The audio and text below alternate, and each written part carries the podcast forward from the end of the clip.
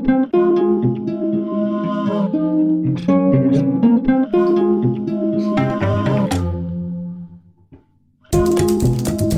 Ebben az adásban alvási szokásokról lesz szó. A nyitva termők, a fenyőfélék azok nem alszanak rendesen éjszaka. Bár vannak dolgok, amik egyértelműnek tűnnek. A fényre a növények érzékenyek, tehát lehet, hogy attól felébred. A kutatások komplexitása egész messzire is elvezethet. Aki mondjuk azt más, az minden reggel kap egy sms hogy ma vedd be a gyógyszeredet, mert ma északnyugati szél fúj. Zlinszki András lesz a vendégünk. Iratkozzatok fel. Rövidesen kezdünk.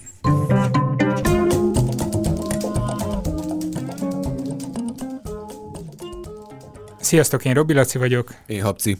Rengeteg visszajelzést kaptunk már most a hallgatói kérdőívre, ami második hete fut. Nyugodtan töltsétek még ki, ennek a hétnek a végén összesítjük majd az eredményeket, vagyis a jövő hét végén. Na mindegy, tehát még egy hétig lesz kin nagyon sok visszajelzést kapunk ez alapján, és segít abban, hogy a podcastet úgy alakítsuk, hogy nektek is jobban tetszem. Jöjjön a mai témánk. És a vendégünk Zlinski András, az MTA Ökológiai Kutatóközpont Balatoni Limnológiai Intézet. Jól elmondtam az egészet, ugye? Igen, sziasztok! Arról beszélgettünk itt az adás előtt, hogy a limnológia az mit is takar pontosan. Itt egy ilyen nagyon heves vitába kezdtünk, illetve nyilván te uralod ezt a vitát, mert hogy te vagy otthon ezen a területen. Te vagy a limnológus. Tulajdonképpen az édesvizeknek a tudománya a limnológia. Annak ellenére, hogy maga a szó, hogy a görögül limnos az tavat jelent, de a limnológiába beletartoznak a, az édesvízi folyóvizek is. Um, erre majd visszatérünk szerintem később, egy picit bevezetném, vagy egyáltalán azt, hogy hogy lyukadtunk ki hozzád, illetve hogy meghívjunk. Már egy pár hónappal ezelőtt írtam neked egy meghívó e-mailt, de akkor éppen egy külföldi um, ott tartózkodás miatt nem tudtál eljönni. Ez amúgy is jellemző a kutatókra, hogy külföldre mászkálnak mindenféle okokból, de most visszatértél. És ahogy egy kicsit utána olvastam, felmerült a biológus, felmerült a térinformatikus, a mérnök is. Mi vagy te valójában? Biológus vagyok, talán leginkább természetvédelmi biológusnak definiálnám magam, de a távérzékelés eszköztárát használom, és szeretném meghonosítani vagy terjeszteni. Mert hogy neked van szakképesítésed mindkét területen, biológus igen, is, vagy meg... Igen, biológus és térinformatikus végzettségem is van, és aztán a doktorimat az egy biológus doktori, azt már a kettőnek az összehangolásából írtam. De dolgoztam két évet Bécsben az ottani műegyetemen, mérnökök között, mint egyetlen biológus. Itt kicsit a biológusok nem között vagyok ki? az egyetlen mérnök. Nem, nagyon aranyosak voltak. Sok mindent el kellett nekik magyarázni. Egy nagyon kellemes pozíció volt igazából egy, egy olyan projektben, ahol biológusok és mérnökök dolgoztak együtt. Én voltam az, aki fordított az egyik nyelvről a másikra. Az a hír, vagyis hát inkább úgy mondom, hogy azzal a hírrel jártad be a magyar sajtót az utóbbi időben, eh, hogy alvófák illetve hogy alszanak a fák, és hogy miért csinálják ezt. Talán ez érdemes lehet ezzel kezdeni, mint az első téma, amivel foglalkozol. Alszanak a fák? Alszanak a fák. Ö, minden élőlény csinál valamit éjszaka vagy nappal, vagy legalábbis más csinál éjszaka, mint nappal. Ö, ebből alól a fák se kivételek. A növényeknek hat a sejtjeire a megvilágítás, a napfény, és az appal és az éjszaka ritmusát, ezt a 12 órás ritmust is érzik valahol belül a szívükben, van nekik egy biológiai órájuk. Erre már nagyon régen rájöttek már az 1700-as években, hogyha ugye vannak virágok, amik reggel szépen kinyílnak, este becsukódnak. Ha leviszek egy ilyen virágot a pincébe, akkor ugyanúgy reggel hétkor ki fog nyílni, pedig vaksötétben van, és este hétkor be fog csukódni. És ezt heteken át képes folytatni, annak ellenére, hogy nem kap megvilágítást. Hashtag cirkadián ritmus. Így van. De ez miben különbözik a különféle növényi mozgásoktól? Ó, nagyon sokféle növényi mozgás van. Egyébként Darwin írt erről egy 600 oldalas könyvet, csak ezt kevésbé tudják Na, róla. Idéz, idézzük fel. És ő, ő csoportosította a növényi mozgásokat, tehát vannak a táplálékszerző mozgások, mint ugye a Vénusz létcsapója, ennek a, a, az ismert példája. Reméljük, Csapó Andris, hallgatod most ezt az adást. Vannak ő volt a, a vendégünk a, ennek kapcsán a, a virágoknak a, a mozgásai, vannak az érintésre történő mozgások, mint ugye ahogy a mimózát ismerjük, hogy megérintjük, akkor összecsukódik. Vannak olyan mozgások, amik például a gólyaornak, ha megérintjük a termését, akkor ugye kipattan és így elrepíti a magot, és van a cirkadián ritmus, vannak olyan növények, amik a nappal és az éjszaka ritmusára ö, reagálnak. És ezen belül is az alvó mozgás az, amikor a levelek összecsukódnak éjszakára. A legismertebb példája ennek a fehér akác. Mindenki látott már akácfát. Ha oda megyünk kora hajnalban, vagy késő este egy akácfához, látjuk, hogy a, a lombjaik összecsukódnak. Én a gyerekeimnek szoktam ezt mindig mondani nyáron, hogy most már menjetek szépen az ágyba, nézzétek meg, már az akácfa is alszik.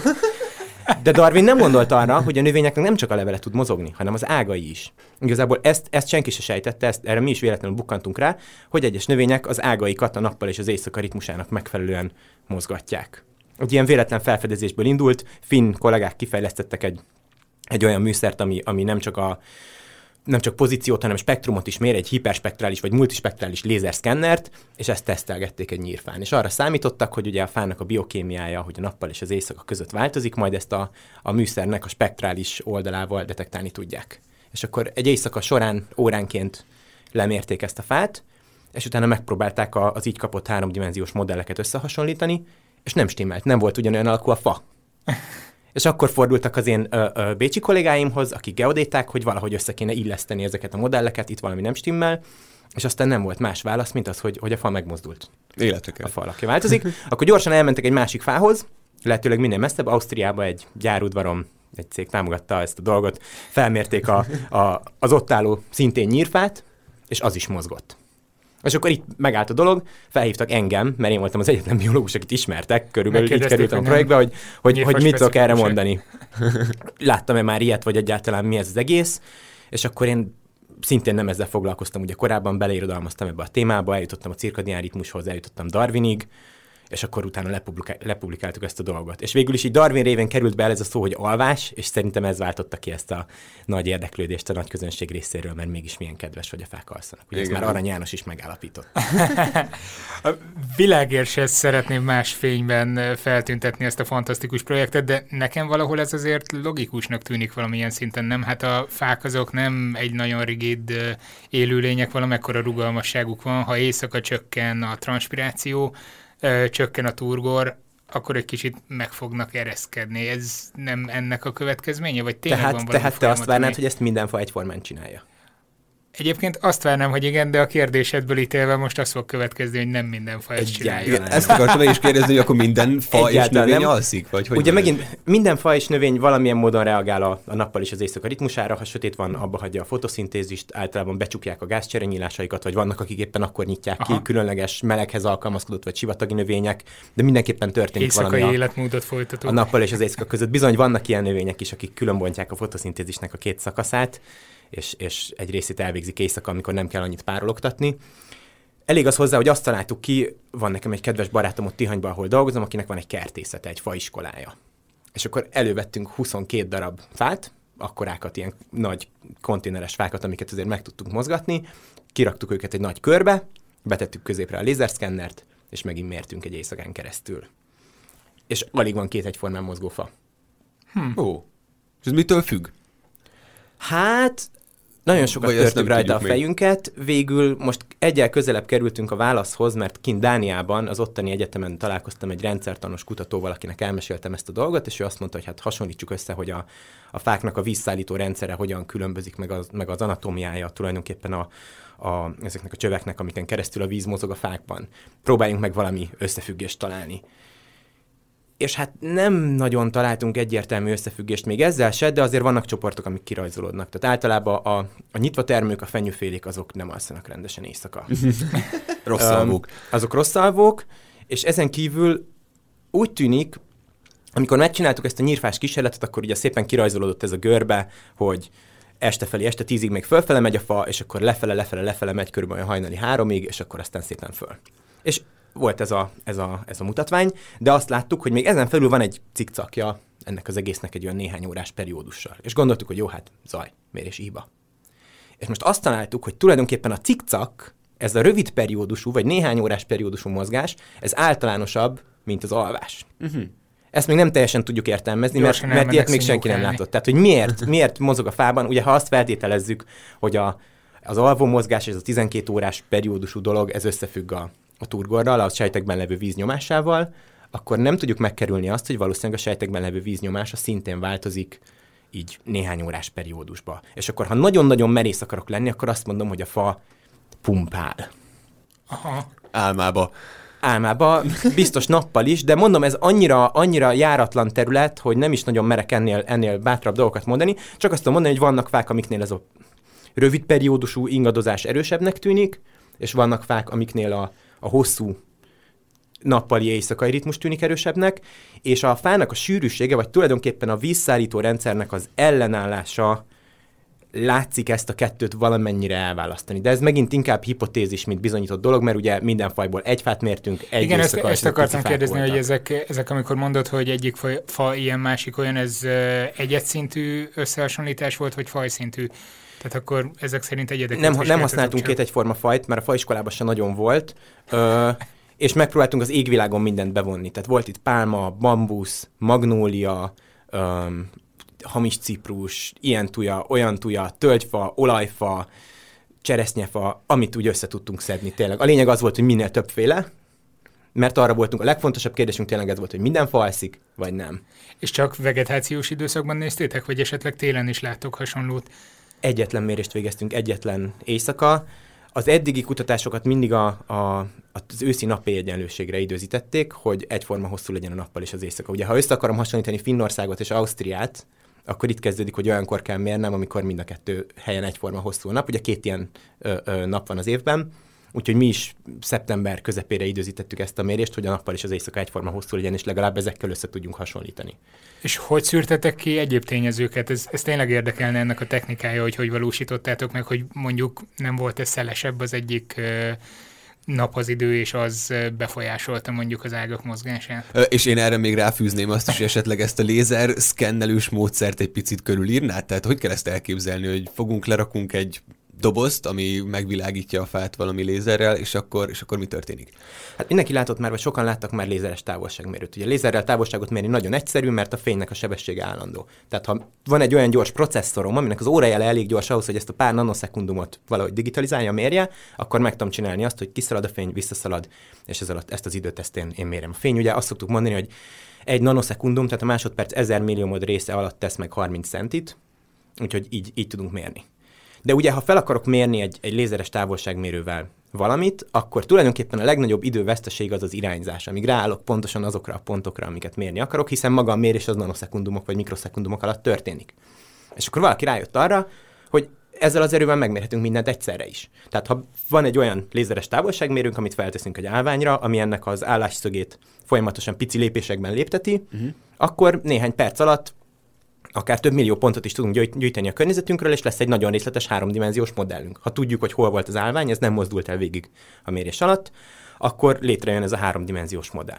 És így néz ki ez a szkenner, tehát hasonlít kicsit egy ilyen teodolithoz, mert mégis egy háromlábú állványon álló kütyű, ami, amiben van egy, egy függőleges síkban nagyon-nagyon gyorsan forgó tükör, és vízszintes síkban pedig lassan, tehát egy pár perc alatt körbefordul. És akkor egy ilyen körbefordulás az 2-3 perc, a mi esetünkben összesen 700 millió pontot gyűjtöttünk egy-egy ilyen mérésben. Az igen.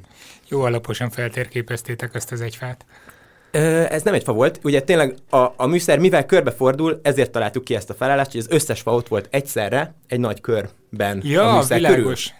És ráadásul akkor- pont Ja, ott aha. egy ilyen építkezés zajlott, volt egy félig elkészült üvegház, aminek már teteje volt, de oldala, meg, meg, meg falai nem. Tehát ez egy ilyen félig meddig védettebb környezet volt. Mértük is egyébként ott benne a páratartalmat, a hőmérsékletet, több olyan fánk volt, ami rajta volt, egy szenzor, ezt aztán összehasonlítottuk, a fényt. Ö, tehát ebből a szempontból viszonylag standard, vagy viszonylag egyforma körülmények között voltak ezek a fák a mérés alatt, egymás szomszédságában. Pont ugyanolyan szél vagy páratartalom érte őket, és ezek a fák már legalább egy fél éve, de volt, amelyik több éve ott lakott a kertészetben, nevelgették őket cserében, minden nap szépen meglocsolták, tehát nem voltak vízhiányosak, Igen, ez Ö, lett volna a következő kérdés, hogy alkalmazkodtak valamilyen volt szó. módon a környezetükhöz már, tehát nem volt nekik, jó, odébb tettük őket egy 50-100 méterrel, ott volt egy targoncás kör, amíg az összes fa szépen felállt ebbe a körbe, de, de ezek mind ottani fák voltak. Tehát ilyen módon nagyon sok körülményt lehetett standardizálni, csomó mindent nem, mert ugye ez a mozgás, ez a lehajlás, lelógás, ez mindenképp függ a fának a, az alakjától, hogy milyen Mm. hosszúak az ágak, um, ha van egy, egy karcsúfánk, az biztos, hogy kevesebbet fog mozogni nappal és éjszaka között, mint egy olyan, aminek nagy terjedelmes ágai vannak. Erre nem lehetett standardizálni. Igyekeztünk minél nagyobb fákat választani, öm, a saját fajára vagy típusára jellemző korona formával, de nem volt annyira nagy választék azért. A lényeg az volt, hogy legyen egy ilyen mérés, hogy, hogy egyáltalán meg legyen az, hogy most akkor az összes fa alszik, vagy nem, és nem. Ez mind nagyon érdekes, amiket elmondasz, de lehet, hogy sokakban megfogalmazódik, hogy vajon miért jó ez a fának, hogy ez történik vele, miért mennek aludni, de erre majd egy rövid szünet után térünk vissza. A Szertár Podcast adásait közösségi finanszírozásból készítjük. A működési költségeket a patreon.com per szertár oldalon tett felajánlásokból fedezzük. Ha tehetitek, csatlakozzatok ti is azokhoz az előfizetőkhöz, akik havonta legalább egy hamburger árával hozzájárulnak ahhoz, hogy hétről hétre új adással jelentkezhessünk. Köszönjük! A szünet előtt ott tartottunk, hogy alszanak a fák, illetve András éppen egy legutóbbi kísérletét vázolta fel nekünk, és magyarázta el, hogy hogy zajlott. Viszont most még egy másik aspektusára szeretnénk rákérdezni igazából, hogy hova fog kifutni ez a kísérlet, illetve mi lesz ennek a további, hát a, ha lesz egyáltalán. Az érdekes része voltak éppen számomra ez a rövid periódus idejű mozgás. Tehát a nappal és éjszaka az, az nem annyira meglepő, de mi lehet a háttere annak, hogy a fák néhány órás időközökben is mozognak, vagy változtatják a, a víznyomást a sejtekben. Van egy elképzelés, hogy ez összefügg azzal, hogy a cukor hogyan épül be a, a sejtekbe, van egy, összefügg, van egy elképzelés, hogy ez lehet, hogy tényleg a, a vízmozgással függ össze, mert hogy egyszerűbb valahogy szakaszokban fölvinni ugye olyan magasra a vizet, mint, mint folyamatosan. Tehát ezt nagyon izgalmas lenne nézni, ehhez arra lenne szükség, hogy valahogyan menet közben mérni tudjuk a, a víznek a mozgását a fában. Erre nem sok módszer van. Van egy nagyon szép egyébként szintén magyar kollégák csinálták a kísérletet, hogy radioaktív van jelzett vizet szivattak fel a fával, és aztán Geiger számlálóval nézték, hogy hogyan halad felfelé. Uh, Ezt érdekes lenne nyilván megismételni, meg nagyon jó lenne látni, hogy a, a a leveleknek a víztartalma hogyan változik, vagy gyümölcsfákon csinálnak ilyet, hogy nézik, hogy a gyümölcsnek a térfogata hogyan változik a nappal és az éjszaka változása során, mert hiszen annak is változik a víznyomása. Valami ilyesmit kéne csinálni, hogy tényleg megnézni, hogy összefügg-e a vízzel. Vagy a legegyszerűbb, um, amit, amit sokan csináltak szintén, hogy a fákra egy nagyon-nagyon szoros uh, fém szalagot teszünk, és egy kis mikroérzékelővel nézzük, hogy hogyan változik a fának az átmérője. Mert az is változik valamennyit a, a nappal és az éjszaka során de soha senki nem csinált még olyat, hogy két vagy három ilyen szalag legyen egymás fölött. Mert ha lenne, akkor meg lehetne nézni, hogy tényleg pumpál, uh-huh.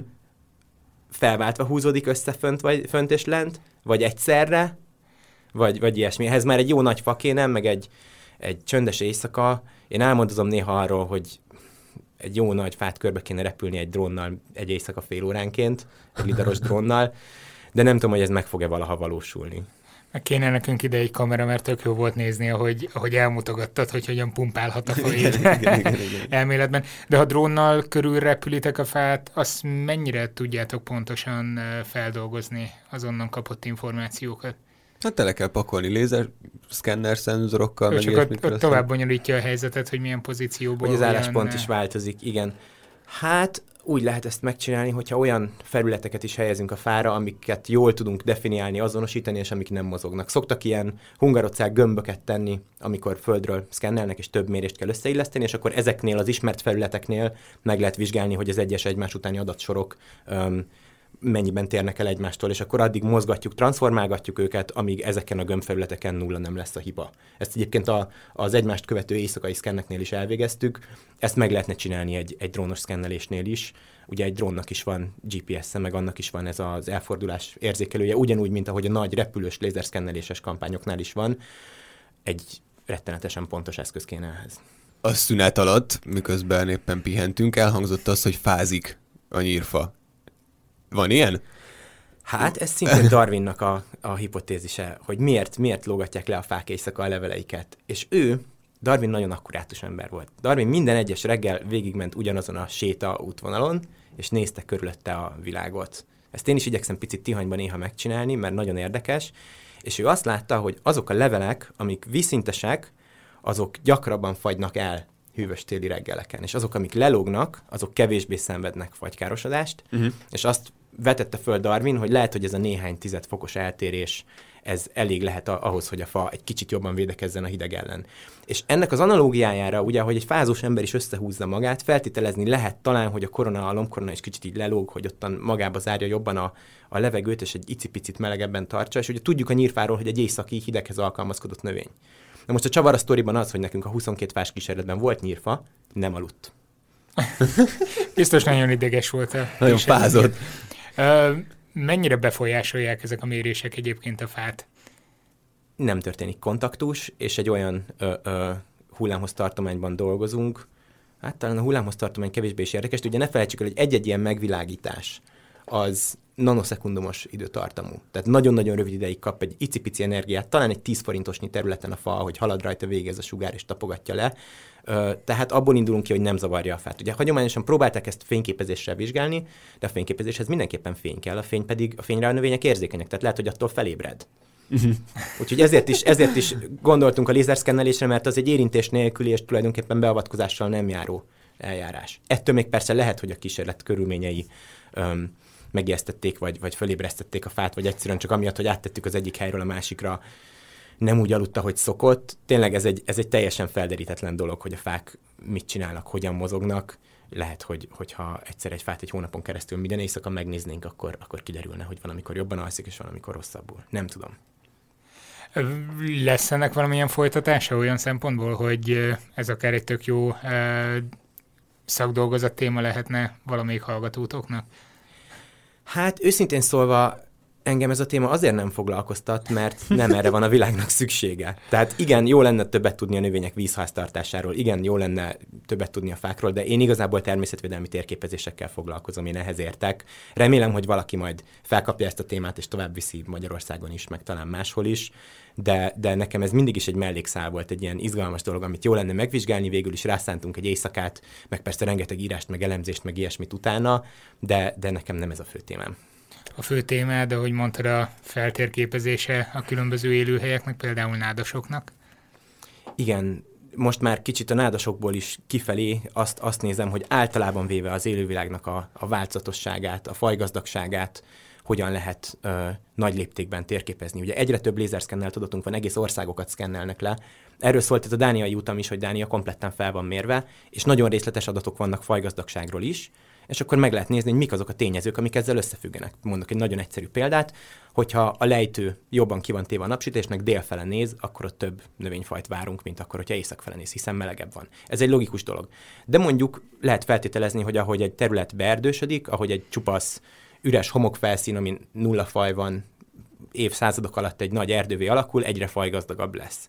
És akkor, ha tudjuk mérni mondjuk a növényzet borítottságot, vagy a fáknak a magasságát, akkor feltételezhetjük, hogy ez is pozitív összefüggésben lesz a fajszámmal. Vagy hogyha vannak olyan magas fák, amik már nem fordulnak elő a rendszeresen vágott területeken, hanem csak a természetes állapotukban meghagyott területeken, tehát ilyen 25-30 méter körüli fák, Dániában azok már egy ilyen nagyon komoly természetes állapotnak a jelzői. És ezt országos vagy akár kontinentális léptékben lehet térképezni lézerszkennelésből. Olvastam egy interjúban veled, ahol a, azt mondtad, hogy a térinformatika diplomádat ökoszisztéma szolgáltatások ból, vagy legalábbis ez is egy része volt annak. Mit jelent ez, hogy ökoszisztéma szolgáltatások? Ez is egy része annak, amit most, most mondtál? Igen, ez is egy része, vagy talán egy, egy még, még inkább tovább gondolása.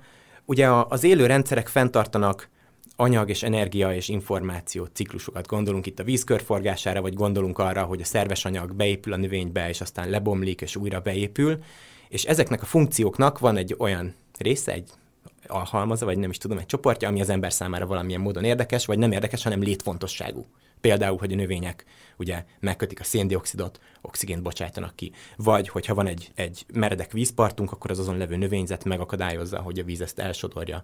Vagy, hogyha van egy, egy árterünk, amin egy erdő van, akkor a víz, az árvíz lassabban tud át haladni ezen az ártéren, mint akkor, ha nem lenne, és ezért ezek az árvízi csúcsok, ezek nem lesznek annyira magasak és meredekek, hanem inkább időben hosszabban elnyúlnak. Ezeket a funkciókat nevezzük ökoszisztéma szolgáltatásoknak.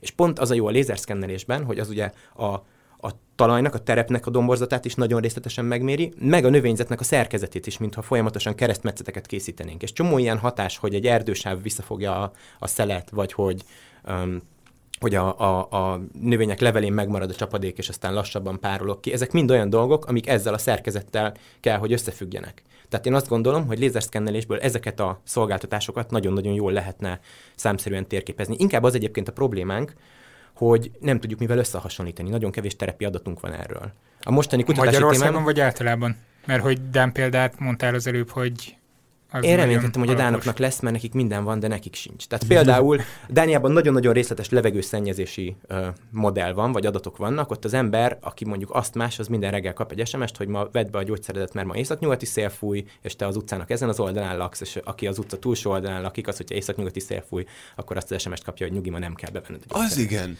Tehát ők itt tartanak, de ebbe ebbe a domborzat és az épületek és a, a forgalomnak a predikciója és a, a meteorológia be van véve, de a növényzet nincs. Ennyire azért nem részletes. Uh-huh. Például. A zaj modelljükben már nagyjából benne van az, hogy mondjuk van erdő, vagy nincs erdő. Amit én, én a nádasokban próbálok, az az, hogy ö, egy olyan módszertant kidolgozni, amivel terepen valahogy gyorsan és megbízhatóan lehet ezeket a dolgokat mérni. Azért jó a nádas, mert le lehet vágni a növényzetet, legalább néhány mintaterületen. Tehát ha kíváncsi vagyok arra, hogy mondjuk egy évben mennyi széndiokszidot köt meg a nádas, akkor le tudom mérni azt, hogy hány kiló az, az évi zöld nád van azon a területen, egy négyzetméteren, akkor azt valamilyen szinten legalább felmerhetem skálázni. Uh-huh. Ez be kell menni oda a vízbe, és le kell vágni, tehát ennek azért van élő munka igénye rendesen, de... De ez az a rész, amit élvezel. Ez az a rész, amit nagyon élvezek, és itt tényleg az van, hogy, hogy kemény, helyben mért terepi adatokhoz tudjuk kötni ezeket a mennyiségeket, és nem pedig csak becslésekhez, ahogy általában. Jó, hogy felvetetted itt a terepi munkát, annak a fontosságát, és hogy ebben te magad is részt veszel, meg korábban mondtad, hogy Darwinhoz hasonlóan azért te is szeretsz így elmélkedni és szétnézni a természetben, ezért én nagyon-nagyon irigyellek téged, hogy ott dolgozol, ahol. Hát ez nagyon jó dolog, amikor az ember a Balatonon dolgozik, és reggel elindul a munkába, ki a nádasba valahol, és este, este hazamegy. Én dolgozom a Fertőn meg a Tiszatavon is, ahol inkább ez egy expedícióhoz hasonlít, hogy amit hétfőn bepakoltam a kocsiba, abból tudok dolgozni egész héten, és ha valamit otthon felejtettem, akkor ez nincs. Ez még Balaton Fertő viszonylatban is, is egy elég komoly probléma, tehát ebből a szempontból jó helyzetben van az intézet, hogy a, a terep az ott van az ajtó előtt. Akkor hogy, bírt, hogy bírtad a bécsi munkát? Hát más kollégák végezték ott a terepi felméréseket igazából. Én ott néha-néha kidugtam az orromat. Sopronban, Püspökladányban voltak a célterületeink. Mindegyiket meglátogattam néhányszor, de ott olyan részletes felméréseket végeztek ezekben a gyepekben, meg az erdőkben, hogy ehhez már tényleg specialista biológusokra van szükség, tehát ennek a, a nagy részét nem én csináltam. A Limno- Limnológiai Intézet már sokszor felmerült Laci köztünk is, megbeszélgettünk róla. Milyen munkák zajlanak most ott aktuálisan? Most nyertünk egy nagy projektet a, a balatoni halakkal kapcsolatban. Ugye a, a halakról meglepően keveset tudunk, ahhoz képest, hogy még a Balaton világszinten is az egyik, egyik legjobban kutatott tó. Szeretnénk felmérni részletesebben is azt, hogy, hogy hogyan szaporodnak, mennyi az utánpótlás, mire van ezeknek a halaknak szüksége, hogy, hogy megmaradjanak, hogy idézőjelbe fenntartható módon lehessen használni, magyarul mindig csak annyit fogjunk ki, hogy azért még maradjon benn. Ez az egyik nagy témánk. A másik nagy témánk évtizedek óta a, a, a vízminőség.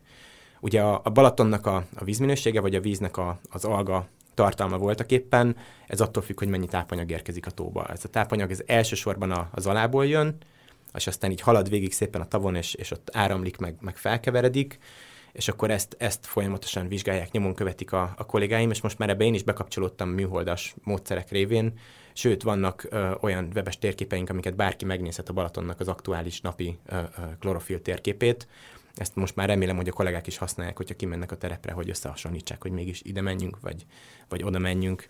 Ez tulajdonképpen a másik nagy szál, és van egy harmadik nagy csoportunk, akik elsősorban ökotoxikológiával foglalkoznak, tehát azokkal a, az emberi ö, ö, hatás alapján a természetbe érkezett anyagokkal, amik valamilyen módon ö, zavarhatják a természetet. Itt az egyik legfontosabb fókuszban egyébként a fogamzásgátlók állnak, tehát ez a csoport Opa. kimutatta, hogy ha kis koncentrációban is, de vannak fogamzásgátlók a Balaton vizébe, és ebben a koncentrációban már a, a, a, a békákra, a csigákra, a halakra mérhető hatásuk van. Jé. Ezekről volt szó egyébként épp a múlt heti vagy két héttel ezelőtti adásunkban. Igen, igen, valóban. valóban. És csak, egyébként jól csak van... Duna kapcsán, Budapest környékén. Egyébként jól van a Balaton?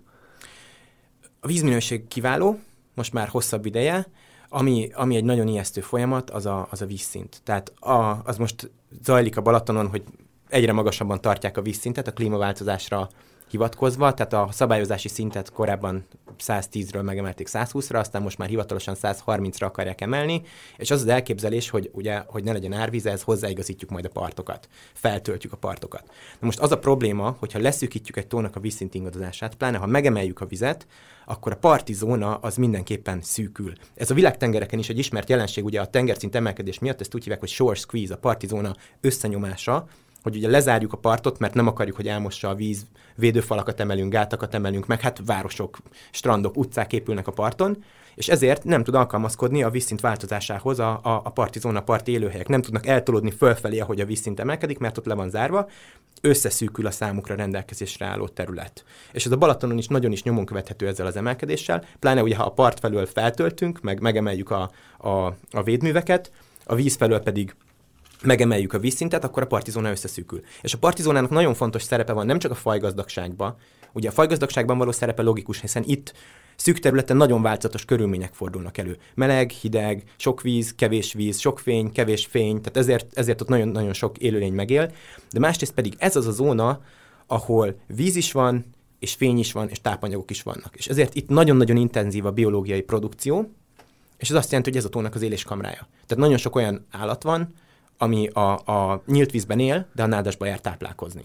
A partizónába jár táplálkozni, mert ott több az ennivaló. És a másik szerepe pedig a partizónának az a Balatonon különösen, hogy hogy ez a védett rész. Nem nagyon szoktunk bemenni a nádasba. Tehát csomó olyan faj van, szeretjük a kócsagokat, a különleges récéket, vöcsköket, akik, hogyha sok az ember főszezonban, akkor elsősorban a nádasban találhatóak meg, és ilyenkor koratavasztal kinsétálgatnak az üres strandokon, de szükségük van ezekre a nádasokra ahhoz, hogy, hogy évről évre meg tudják találni az életfeltételeiket a tavon. És ezt én félek, hogy elveszítjük azzal, hogyha megemeljük a tóvízszintjét. És mennyire találhatók ezek a nádasok mondjuk kívánatos mennyiségben a Balaton környékén? Mert hogy néha olyan érzésem van, hogy a Balaton arra három-négy hónapra átalakul az ország legnagyobb szabadtéri medencéjévé, de ez érezhetően, vagy gondolom érezhetően rányomja a bélyegét a vegetációs időszak többi részére is. Persze, és itt egyébként az ökoszisztéma szolgáltatások koncepciója jön be nagyon erősen. Ugye mit akarunk a Balatontól? Mire akarjuk használni? Csónakázótó, horgásztó, vitorlás, sportolóterület, családi pancsolómedence, vagy pedig egy élő rendszer, ami ezen kívül ugye ellát minket vízzel, meg, meg kellemes mikroklímát teremt, meg ilyesmi. Ezeket mind valahogy össze kell hangolni, ha, ha a Balatonról ö, gondolkozunk. Mi is volt az eredeti kérdés? Bocsánat. Igen, lényegében ez, hogy, hogy ti hogyan álltok hozzá a Balatonhoz, a Balaton használatához. Az eredeti kérdés az volt, hogy van elég nádas, és hogy mennyi van, és itt megint a vízszintemelkedés az nagyon, nagyon erősen közrejátszott. Tehát a 70-es években volt egy ilyen paradigmaváltás tulajdonképpen a tóvízszint szabályozásában. Korábban az volt a cél, hogy akármi van, árvíz ne legyen. Az alsó vízszint senkit nem érdekelt, lehetett nyugodtan alacsony, és hát még az 50-es években tulajdonképpen majdnem egy métert ingadozott a tó vízszintje így évek között. Ez egy ingadozó vízjárású tó volt. Ugye sekély, nincs nagyon nagy vízgyűjtő területe, voltak alacsony vízjárású évek, a 40-es években körülbelül olyan alacsony volt egy időben, mint, mint 2000 és 2003 között, voltak nagyon magas vízjárású évek, igyekeztek az árvizeket elkerülni. És a 70-es években a turizmus miatt volt egy ilyen határozat, hogy mostantól az a cél, hogy minél magasabban legyen a vízszint, és hogy lecsökkentsük az ingadozást. És ez én is kimértem igazából, ebből írtam annak idén a szakdolgozatomat. Ez a, akkor egy nagy arányú nádpusztuláshoz vezetett, körülbelül 30%-a fogyott el akkoriban a nádasoknak. Egy ilyen talán aki a Balatonon jár, ismeri ezt a jelenséget, ahogy a nádas ilyen csomókra bomlik, ezt úgy hívjuk, hogy babák ezek a csomók. Korábban egy egységes front van, és aztán, ahogy a nád pusztul, egyszer csak ott maradnak ezek a pici szigetek, és közte ilyen vadregényes lagúnák vannak. Na ez a folyamat, ez mind a mai napig zajlik a tavon. Abban az alacsony vízű időszakban, 2000 és 2003 között, akkor nagyon szépen ki lehetett mérni, hogy a nádasok növekedésnek indulnak. Tehát, Aha. hogy szükség van az alacsony vízre, és ugye ez a kisebbik probléma tulajdonképpen, hogy ezeket a nádasokat veszítjük, vagy ezeknek csökken a területe. A nagyobbik probléma az, hogy a vízgyűjtőn levő berkek, mocsarak, amik nagy arányban most is megvannak, ezek el vannak vágva a tótól. Tehát korábban a halak följártak a fonyódi berekbe ívni, meg kiártak a Kisbalatonra. Ez az egész ez egy sokkal inkább összefüggő rendszer volt, és aztán amikor megépült a parton a vasút, meg az utak, meg sok helyen a nyaralótelepek, akkor, akkor elvágtuk ezeket a területeket. És ugye alkalmazkodik a természet, mert ahogy a vízszint megemelkedik, ezek újra megjelennek itt-ott. Csomó olyan helyet ismerünk a Balaton körül, ahol az ember megy vonattal vagy autóval, és jobbra nádas, balra nádas. Sokan tudnak ilyenre szerintem gondolni, de ezek most már nincsenek összeköttetésben. Ez nem jelenti azt, hogy a béka át tud ugrálni az egyikből a másikba. Említetted, hogy az alvófás projekt az egy mellékszál volt, egy külön, külön kis melód. Mit csinálsz mostanság? A fő témám éppen a, a, a nádasok biodiverzitásának, tehát változatosságának és az ökoszisztéma szolgáltatásainak a mérése terepen és lézerszkenneléssel. Tehát itt az az ötlet, hogy tudunk-e olyan eljárásokat találni a terepen, amiket aztán a, a lézerszkennelt adatok segítségével fel tudunk skálázni nagy pontossággal. Elége két hetet mérni a fertőtavon ahhoz, hogy utána egy egész tóra kiterjedő 5 méteres felbontású térképet csináljak. Elég?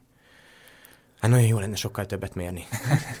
De az a jó, hogy így, hogy legalább voltunk kint, meg tudjuk mondani, hogy milyen pontosságot tudunk elérni ezekkel az adatokkal. Nyilván, ha kétszer annyit mérnénk, akkor jó eséllyel még pontosabb lenne, de már el lehet indulni ezen a szálon, hogy egyrészt lehetséges ezeket a dolgokat mérni, nem igaz az, hogy csak becsülni lehet, másrészt pedig ha, ha valaki tényleg egy, nem tudom, 90% pontosságú térképet szeretne, akkor lehet addig mérni, amíg el nem érjük ezt a, ezt a pontosságot. Tehát én ezért most a Fertőn dolgozom az osztrák oldalon, a Magyaron is, a Balatonon és a Tiszatavon is, Ez csak utazgatással jár, de nagyon élvezem, és nagyon sokat tanulok a nádasokról. És hányan dolgoztok ezen a projekten, illetve hogy néz ki a munkamegosztás?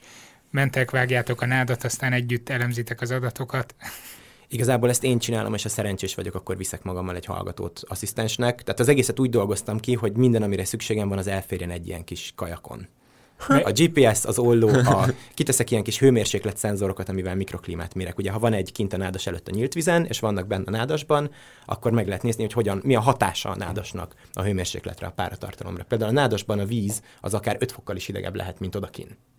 Hmm. Méghozzá egész nap folyamatosan ciklusban. És ez, ez úgy tűnik, hogy ez a Balatonon is megvan, a Fertőn is megvan, meg a Tiszán is megvan. Ezek szerint néha a Fertő is alszik, meg a Balaton, meg a, meg a Tisza. Igen, és úgy tűnik, hogy a nádasban jobban, mint odakint. Köszönjük szépen, hogy itt voltál velünk, és elmesélted mindezt. Köszönöm. Köszi szépen. És most következzen a hírkvíz. A hangminőség nem pont olyan, mint amit megszoktatok, de ez most élőben ment ki Facebookon, úgyhogy aki látta, az most ismételhet, aki pedig nem, annak pedig izgalmas lesz, hogy mi az eredmény. Mi persze már tudjuk. Mennyi Jó. az állás? 11-10. 11-10 az állás. És igen, te vezetsz még sajnos. Igen, egyelőre én vezetek. Most nem fogjuk tudni olvasni a kommenteket, mert hogy egymásra koncentrálunk, vérre megy a küzdelem, Kumisz meg közben itt van a lábunknál. No, Kezdte. kezdjem én? Kezdtem, mert most úgyis te is ilyen jellegűeket hoztál. Igen, híreket hoztam, most nem történelmi témákat, mert hogy szinte semmi épkézláb történelmi dolog nem történt. Felmentem a Twitterre, Igen. és megnéztem, hogy ki miket osztott meg, ilyen tudományos technikai hírek közül, és Meskó Berci, van Mhm. neked valamit a név, Igen, abszolút. A jövőkutató? hogy jövőkutató, orvos vagy orvos jövőkutató vendégünk is volt, egy nagyon izgalmas beszélgetést csináltunk vele, egy körülbelül fél éve volt nálunk, úgyhogy hallgassátok meg. Szóval ő osztott meg Twitteren tegnap egy tök jó cikket, bár ahogy elnéztem a sztori, az nem a legaktuálisabb volt. Egy olyan pici, egy négyzetcentiméteres implantátumról van szó, Igen. ami a bőr alá ültetve egy sor dolgot képes folyamatosan monitorozni, kémhatás, szőlőcukor, laktát, koleszterin és különböző gyógyszerek szintjeit. Igen, hallottunk be ilyenről. Na kérdés, hogy mennyire hallottál róla. Jelenleg egy vérvétel és a laborvizsgálat az ugye rengeteg időt elvész, költséges folyamat, ráadásul egy pillanatnyi képet rögzít csak a Igen. beteg állapotáról. Igen, igen. Ez a kis kütyű pedig akár heteken át is folyamatosan tud adatot szolgáltatni a kis Bluetooth moduljával. Világos. Hát ahogy ez lenni szokott, nem a technikája érdekel, vagy nem Igen. az, hogy hogyan működnek a szenzorok, hanem hogy hogyan oldják meg a cucc áramellátását. Jó. Mert hogy ez ugye több mindent csinál, mint egy kis pacemaker, hogy csak jeleket ad időnként, hanem itt azért szenzorok működnek, bluetooth kommunikál. Igen. Tehát hogy oldják meg a cucc áramellátását? A. Hát igen, ez a rákfenéje a dolognak, hogy az elemek, amik sokáig bírják a chiphez képest nagyok, így a chip fölötti területre van felraktapaszozva egy gombelem, és úgy mennek be a vezetékek a bőr alá. Képet nem mutatok, mert ugye ez egyből elárulná. Gombám. Ö, Egy kis indukciós tekercs van a chipbe integrálva, így kívülről lehet vezeték nélkül tölteni, az kb. olyan, mint a néhány telefon, meg elektromos fogkefe, meg ilyeneket is Igen. lehet így tölteni. Vagy Hopp, elröhögés, ez már gyanús. most fogok lebukni, nem tudom a pontos ma- magyar nevet, ez a Thin Film Photovoltaic Cell, tehát ez a vékony réteg Igen, napelem. Ezt rakják a készfejre, és bár az elemek bírják három napig, de a pácienseket azért arra kérik, hogy naponta azért egy fél órát, egy órát legyenek kinn a napon, vagy legalábbis Igen. lámpa alatt. Egyébként nagyon dizájnos így az ember tenyerén, Ö, vagy készfején van egy ilyen kis vékony Igen, ezt akartam kérdezni, hogy hol helyezkedik el ez a testen. Ez A szenzor. kézfejem. Kézfejem van. Jó, tehát lássuk gombelem. Erre gondoltam először, amikor felsoroltad a lehetőségeket, de ezt valahogy nem tartom annyira praktikusnak, mint, mint mondjuk nem tudom. Ha Ö, van tippetek egyébként, írjátok meg ti is.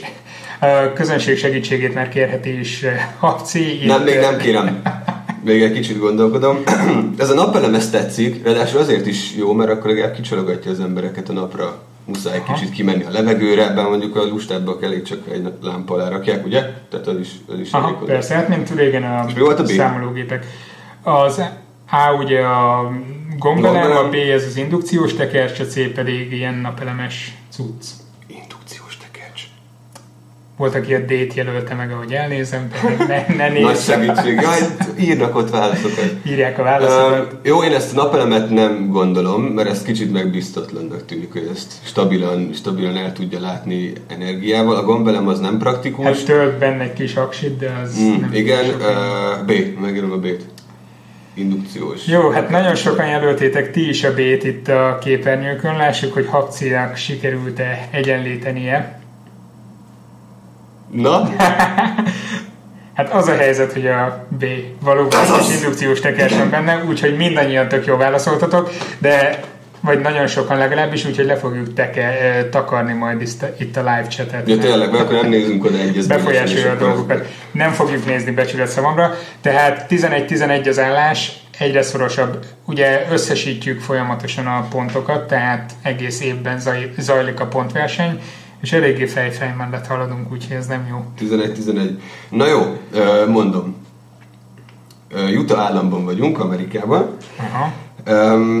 És kutatók egy csomó, hát annyira nem csomó, hét darab tehénború tetemet helyeztek el a hegyekben, ott Utahban amúgy is szép, szép helyek vannak, de mindezt úgy, hogy egy, egy kamerát is kiraktak a tetem mellé, Aha.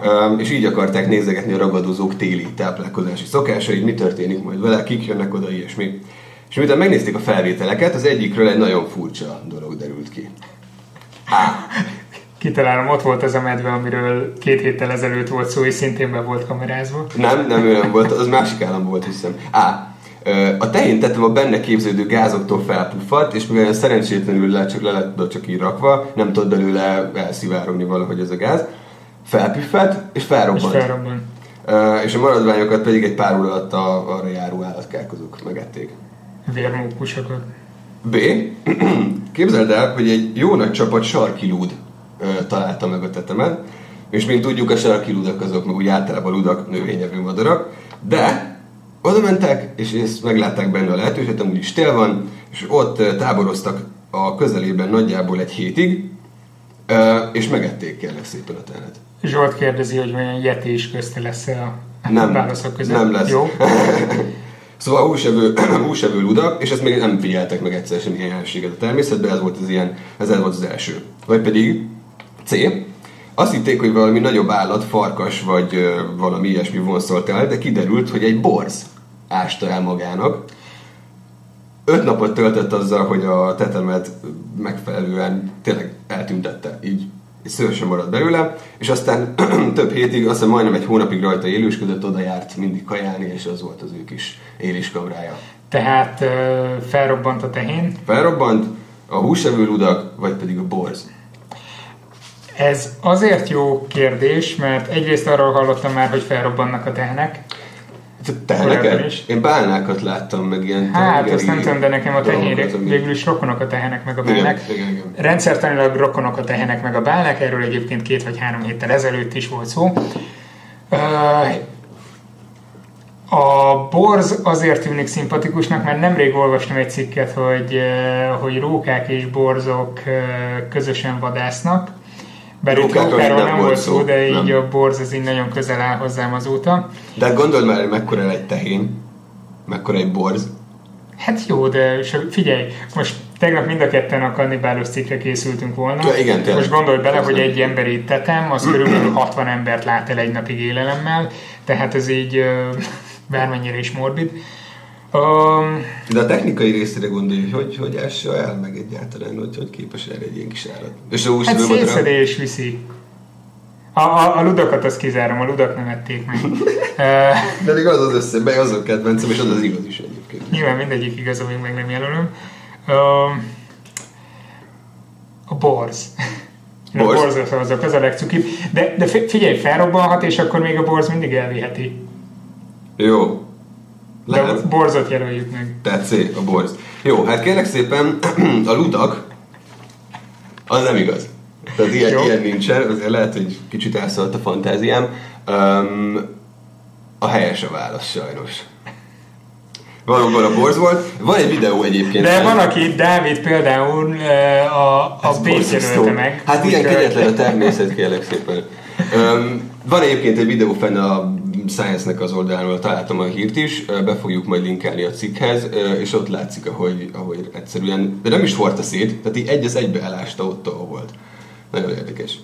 Figyelj, amilyen lyukakat a kutyák tudnak ásni a futtatóban, így nem lepődök meg. Ja. Egyébként, amikor azt mondjuk, hogy belinkeljük, ott arról van szó, hogy a szertár.com oldalra minden egyes podcast adáshoz csinálunk egy jegyzetet, és ott ott van minden kép, meg hivatkozás, meg ilyenek, ami egyébként így hanganyagban nem nagyon férne bele, vagy nem túl élvezetes. Na, jöhet a következő kérdés. 12-11 az állás, csak így emlékeztetőül, ugye? Igen, jó, akkor még mindig én vezetek, de csak egyen. Sajnos igen. A bálnákat mesterségesen robbantják fel takarítás céljából nem, kérdezi Oliver. Hát ezt nem igazán tudjuk, hogy vagy így kapásból ezt nem tudom, hogy.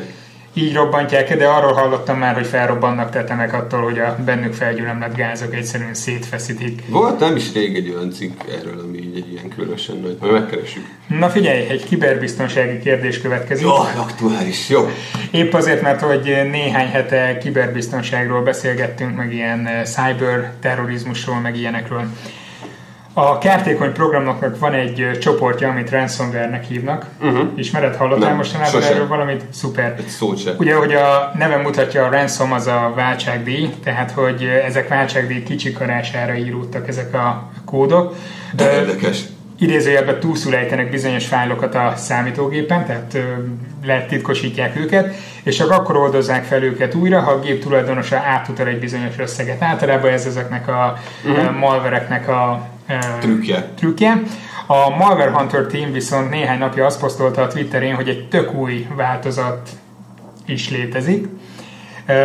Ez is titkosítja a fájlokat a számítógépen, de a feloldás fejében nem pénzt kér, hanem Ha nem, Na nézzük. A. A megfertőzött gépek böngészőjében, tehát akkor látod, hogy megfertőzték Igen. a gépet, automatikusan egy Tumblr oldalra hasonlító felület jelenik meg, e, rengeteg poszttal, és mindnek az a témája, hogy send me nudes, vagy send nudes. E, nem tudom, én sose tamblizok nyilván, de egyébként Ja. igen, de sose találkoztam még ilyenekkel.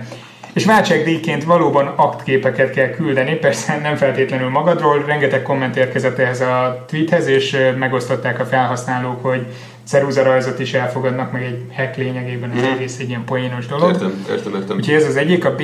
Akkor válik újra használhatóvá a gép, ha egy bizonyos számítógépes játékon elérsz egy adott viszonylag magas pontszámot. Ezt a malware érzékeli, és a pontszám elérésekor automatikusan hozzáférést enged a fájljaidhoz. Ö, Amúgy át lehet írni manuálisan a pontszámot, tehát így nem, nem egy túl jól kidolgozott rendszer. Uh-huh. Vagy C. El kell látogatnod a saferinternet.org tájékoztató oldalára. Ez egy társadalmi szerepvállalási kampány céljából készült malware. A céljuk az, hogy az emberek jobban odafigyeljenek az internetes biztonságukra. A malware egyébként a gép indításától kezdve 15 percen belül törlődik, és ilyen abszolút lényegtelen mappákat zárol, de ennek ellenére gondolhatod a komment cunamit, hogy ez mennyire nem etikus ez a Igen. hozzáállás, úgyhogy Ö, jó. A Safer Internet projekt volt, csináltunk is, volt egy interjú egy Magyarországi van- van ilyen valamikor igen, nemrég, úgyhogy- igen. Tehát, hogy- Szóval ehhez már volt közünk, úgyhogy lehet, hogy azért... Összefoglalom, A. Akképekre oldódik, B. ö, Egy Játékra? játékon kell elérni egy pontszámot, vagy C. Ez tulajdonképpen egy ilyen ismeretterjesztő vagy figyelemfelhívó kampány. Ez nagyon tetszik az utolsó. Én, hogyha valami ilyen kampányba fognék, akkor valami hasonlót csinálnék. Ez a játék, ez szerintem túl egyszerű. Szóval a játék igen, az első pedig, hogy... Mi is volt az első? Öm, aktképet kell küldeni, Aktkép. ö, Én megjelölöm a C-t. Azért jelölöm meg, mert nagyon sokan a C-t mondják. ezt igen látom, de ettől függetlenül is azt gondolom, hogy, hogy, hogy ez lesz a jó. A- Mondom, a B az túl azért semmilyen, ezek küldjenek mesztelen képet, ez így eléggé offenzív. Miért az, hogy fizes, nem tudom, ezer dollárt, és akkor oldozzák fel. Ö, jaj, legyen a C, megjelölöm azt. Ilyen kampány. Na jó, C, akkor nézzük a válaszokat. Az A, Igen. azt én találtam ki. Hát a C az bizony egy nagyon-nagyon hasznos dolog. Tehát tök jó, hogyha ilyen célokra írnak malvereket, De sajnos és ez ilyen, most... ilyen jó szándékkal én biztos, hogy írnék malvert, de sajnos én találtam ki. Tehát Hát a B a helyes válasz.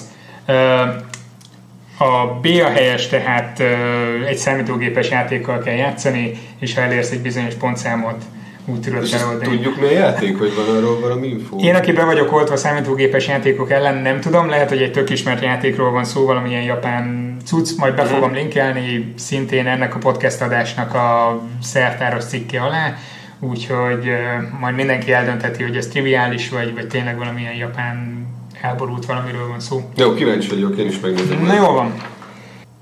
Ó, várjál, várjál, várjál, várjál. Uh, David írja, fun fact, hogy olyan ransomware is létezik, ami a C válasznak felel meg. Ennyi. Uh, igen, de ez nem az, az, az a hír szól. Köszi szépen, David, te kapsz egy pluszpontot, ez már a második pluszpontod. Egyébként írjál rám, és akkor megbeszélhetjük ezt a ezt nem tudom, dolgot. ez egy tök jó ötlet. Ez egy tök jó ötlet, pedig Becó itt ültem, és így találtam ki. Na jó. Uh, Hogy alszol? Az volt a kérdés. Én jól alszom, tehát hogyha időben le tudok feküdni, akkor tök jól alszom, ha felébresztenek éjszaka, nem tudok visszaaludni, tehát nekem ez a problémám az alvással. Időben menjek lefeküdni, és akkor minden rendben. Csináltak a New Rockefeller Egyetemen egy kutatást nemrég, és arra jöttek rá, hogy egyfajta genetikai mutáció van azoknál, akik sokáig fennmaradnak éjszaka, ezek az éjjeli bagoly típusú emberek. Megvan ez? Meg Igen, ismerős ez? igen, meg az embereknek valami fekszik, hamar 5%-a kell. olyan, mint én, tehát hogy így korán kell. Ö, igen, igen, igen. Ez a gén név szerint egyébként a CRY1, most ez mindegy. Öm, és olyan súlyos is lehet ez a dolog, hogy egyeseknél már a betegségnek a tünetei is megjelennek, és ilyenkor van egy neve, ez a DSPD, Delayed Sleep Phase Disorder. Mm-hmm. Um, és ez képzeld, el, hogy a globális populáció közel 10%-át érinti ez a dolog, szóval elég gyakori. Aha. Um, és az a kérdés, hogy ez a genetikai mutáció mit érint pontosan, tehát milyen uh, biológiai vagy élettani hatása van ennek. Valami fehérje szintézis lesz. Tehát mitől, mitől éjjeli bagyok az emberek, ez a kérdés. Nem ilyen, nem lesz ilyen bonyolult. Én, én nem vagyok éjjeli bagoly, én- nem vagyok mutáns, úgyhogy Én igen, egyébként egyáltalán nem súlyos a helyzet, hogy ö, betegség legyen, de valami van. A. Kettő-két és fél órával lassabb a biológiai órájuk ezeknek az embereknek, ezért több időre van szüksége 24 óránál a szervezetnek arra, hogy a különböző folyamatokat, emésztés, alvás, mindenféle létfenntartó dolog elvégezze. aha. Tehát lassabb a biológia óra. B. Egy másfél órával gyorsabb a normálisnál, hiszen 24 óránál kevesebb idő is elég nekik a különböző folyamatok elvégzéséhez, ezért nem kell nekik ennyi alvás, mint normális esetben. Vagy pedig C. A biológia óra ugyanolyan, viszont van a tobozmirigy nevű kis szervecske Igen, erre gondoltam, hogy biztos arra hat. Ö, és ott egy kisebb elváltozás történik, nem termelődik elég melatonin hormon, ö, ami egyébként az inger lenne az elalvásra, és ezért nem alszik el annyira Ez hamar. nekem reális, én a C-t jelölöm meg. Pont. Vagy, vagy húzzam még egy kicsit az. Tehát ö, gondolom, hogy a tobozmirigyre hat valami, és Vagy ott van valami az, az kontrollálja a, a cirkadián ritmusunkat, tehát ezt a napi ébrenlét alvás ciklust. Úgyhogy szerintem ott van valami mutáció, hogy arra hat. Jó. A, a többit bevallom, nem is bírtam követke, követni, hogy két órával előbb, vagy hamarabb, vagy... Hát az, az, az volt a lényeg, akkor még egyszer elmondom, és akkor lehet, hogy meggondolod, hogy ott a biológiai óra érintett, nem külön a, a tobozmirigy. Öm, Fúj, itt A meg a C jön, ez a, meg a B. Jó, oké. nincs több, úgyhogy... Szóval az egyik, hogy két, órával lassabb mondjuk, Aha. a másik pedig, hogy egy órával gyorsabb. Az első esetben ott szüksége van több mint 24 órára a szervezetnek ahhoz, hogy regenerálódjon mondjuk, a másik esetben pedig nem. De hát ő megjelölted a C-t, tehát... A C-t jelölöm meg. Jó. Sajnos az A helyes. Nem már! Helyes. Akkor ezt még egyszer fejtsd ki. Tehát két-két és fél órával lassabb a biológiai órájuk, órájuk azoknak a személyeknek, akiknek van ez a genetikai mutáció, tehát éjjeli bagyok, és több időre van szüksége 24 óránál a szervezetnek arra, hogy ezeket a regenerációs folyamatokat elvégezze. Jaj. Na jó van, hát akkor 12-11 maradt az állás. Igen, sajnos nem léptünk, de Ja. kis előrébb léptünk. Egyébként az a legviccesebb, hogy direkt bekészítettem a Smartist, mert hogy régen mindig ebben játszottunk, vagy egy ideig, és gondoltam, hogy most az élőadás tiszteletére most Smartizozni fogunk, vagy abban pontozunk, de Most ezek kapsz, kérlek, jó? Jó, Na jó, olyan sokat nem nem kapsz. beszélni. Meg aludni. Ja. Tessék, kapsz még egyet, még 3-3. Jó. Na jó. Na, jó van. Ennyi volt. Ez volt a mai Szertár Podcast, ha tetszett, akkor iratkozzatok fel Soundcloudon a csatornánkra, vagy kövessetek minket Facebookon, Instagramon, vagy Youtube-on. Sziasztok! hello!